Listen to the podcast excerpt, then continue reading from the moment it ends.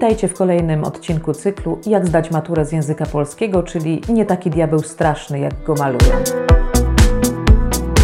Dziś objaśnię, jak skomponować pracę, zadbać o jej spójność, czyli zajmę się kategorią D i E oceny pracy maturalnej. Zapraszam.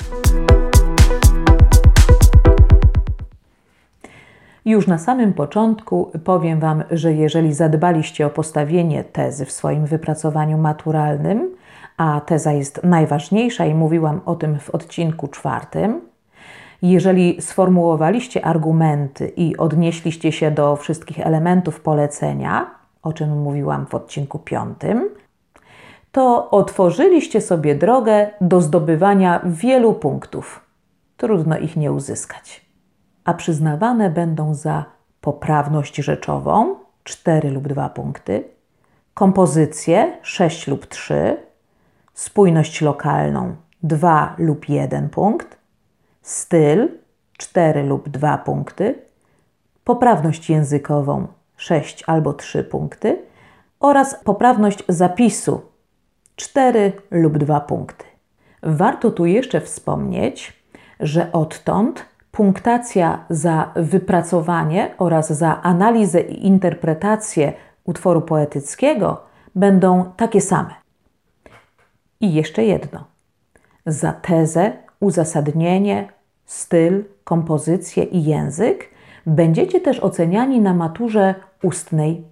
Niech więc i to Was motywuje do uważnego śledzenia dzisiejszego odcinka, w którym zdradzać będę pewne tajniki. Wystarczy więc teraz zapamiętać kilka zabiegów, zastosować je, a punkty będą wpadały same. Podpowiem bowiem, jak praktycznie skomponować pracę, wykorzystując do tego wcześniej przygotowany konspekt, o którym mówiłam w odcinku trzecim. Będzie trochę rysowania, ale to po to, byście wzrokowo przyswoić mogli pewien, wydaje mi się, przydatny schemat. Zaczynamy. Ramy wzorowej kompozycji stanowi, jak pamiętacie, wstęp, rozwinięcie i zakończenie. Graficznie części te wyodrębnić należy akapitami, czyli wcięciami w tekst. Za ich funkcjonalne zastosowanie otrzymacie już trzy punkty. Podkreślone w temacie słowo klucz oraz czasownik operacyjny należy teraz wrzucić do wstępu. Zacznijcie od wyjaśnienia pojęcia głównego z tematu. Zróbcie wprowadzenie.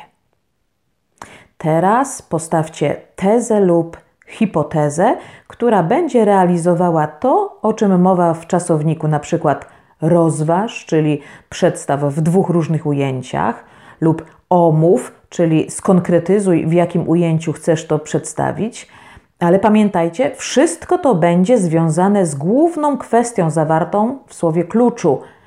Po prostu piszcie na temat.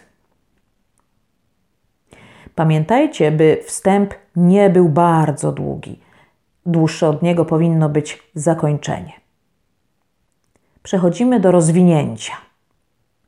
Zróbcie akapit Wypiszcie w logicznej, uporządkowanej kolejności, jaką ustaliliście w konspekcie, i to macie zapisane z pewnością w brudnopisie, argumenty.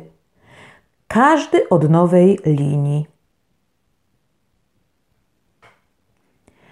Początek każdego argumentu dobrze by było, gdyby nawiązywał do poprzedniego. Można to zrobić za pomocą słów takich jak podobnie jest, inaczej, Następnie, z kolei, dobrym przykładem może być. Ważne jest, aby każdy argument nawiązywał do tezy.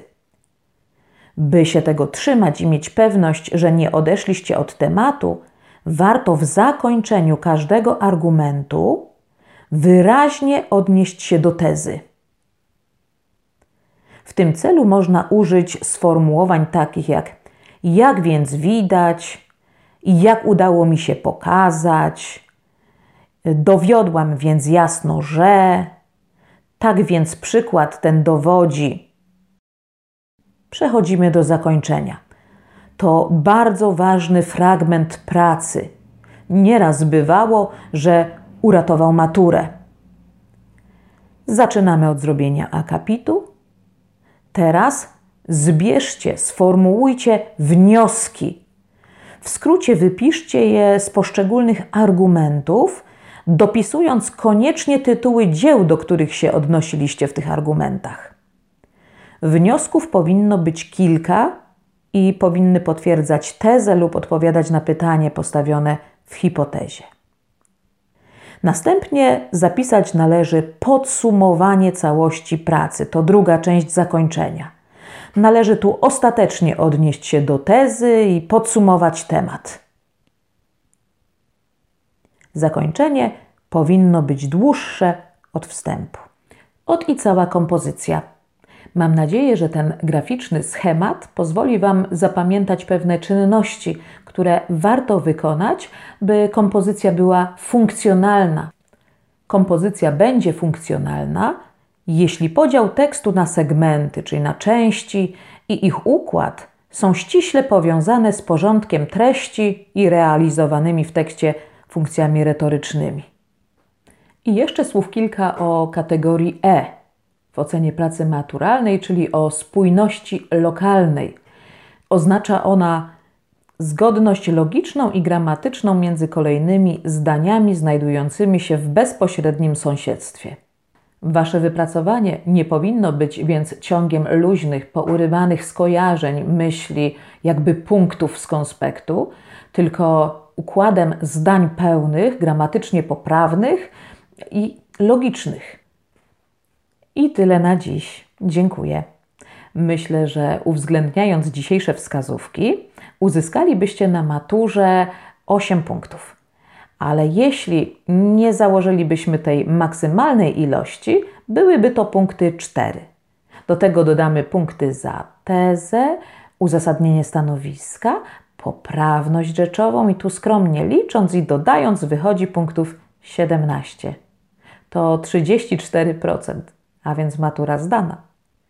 A przed nami kolejne punkty do zdobycia. Zachęcam więc do zasubskrybowania kanału. Wtedy dowiecie się o innych sposobach zdobywania punktów oraz do naciśnięcia dzwoneczka. Do zobaczenia.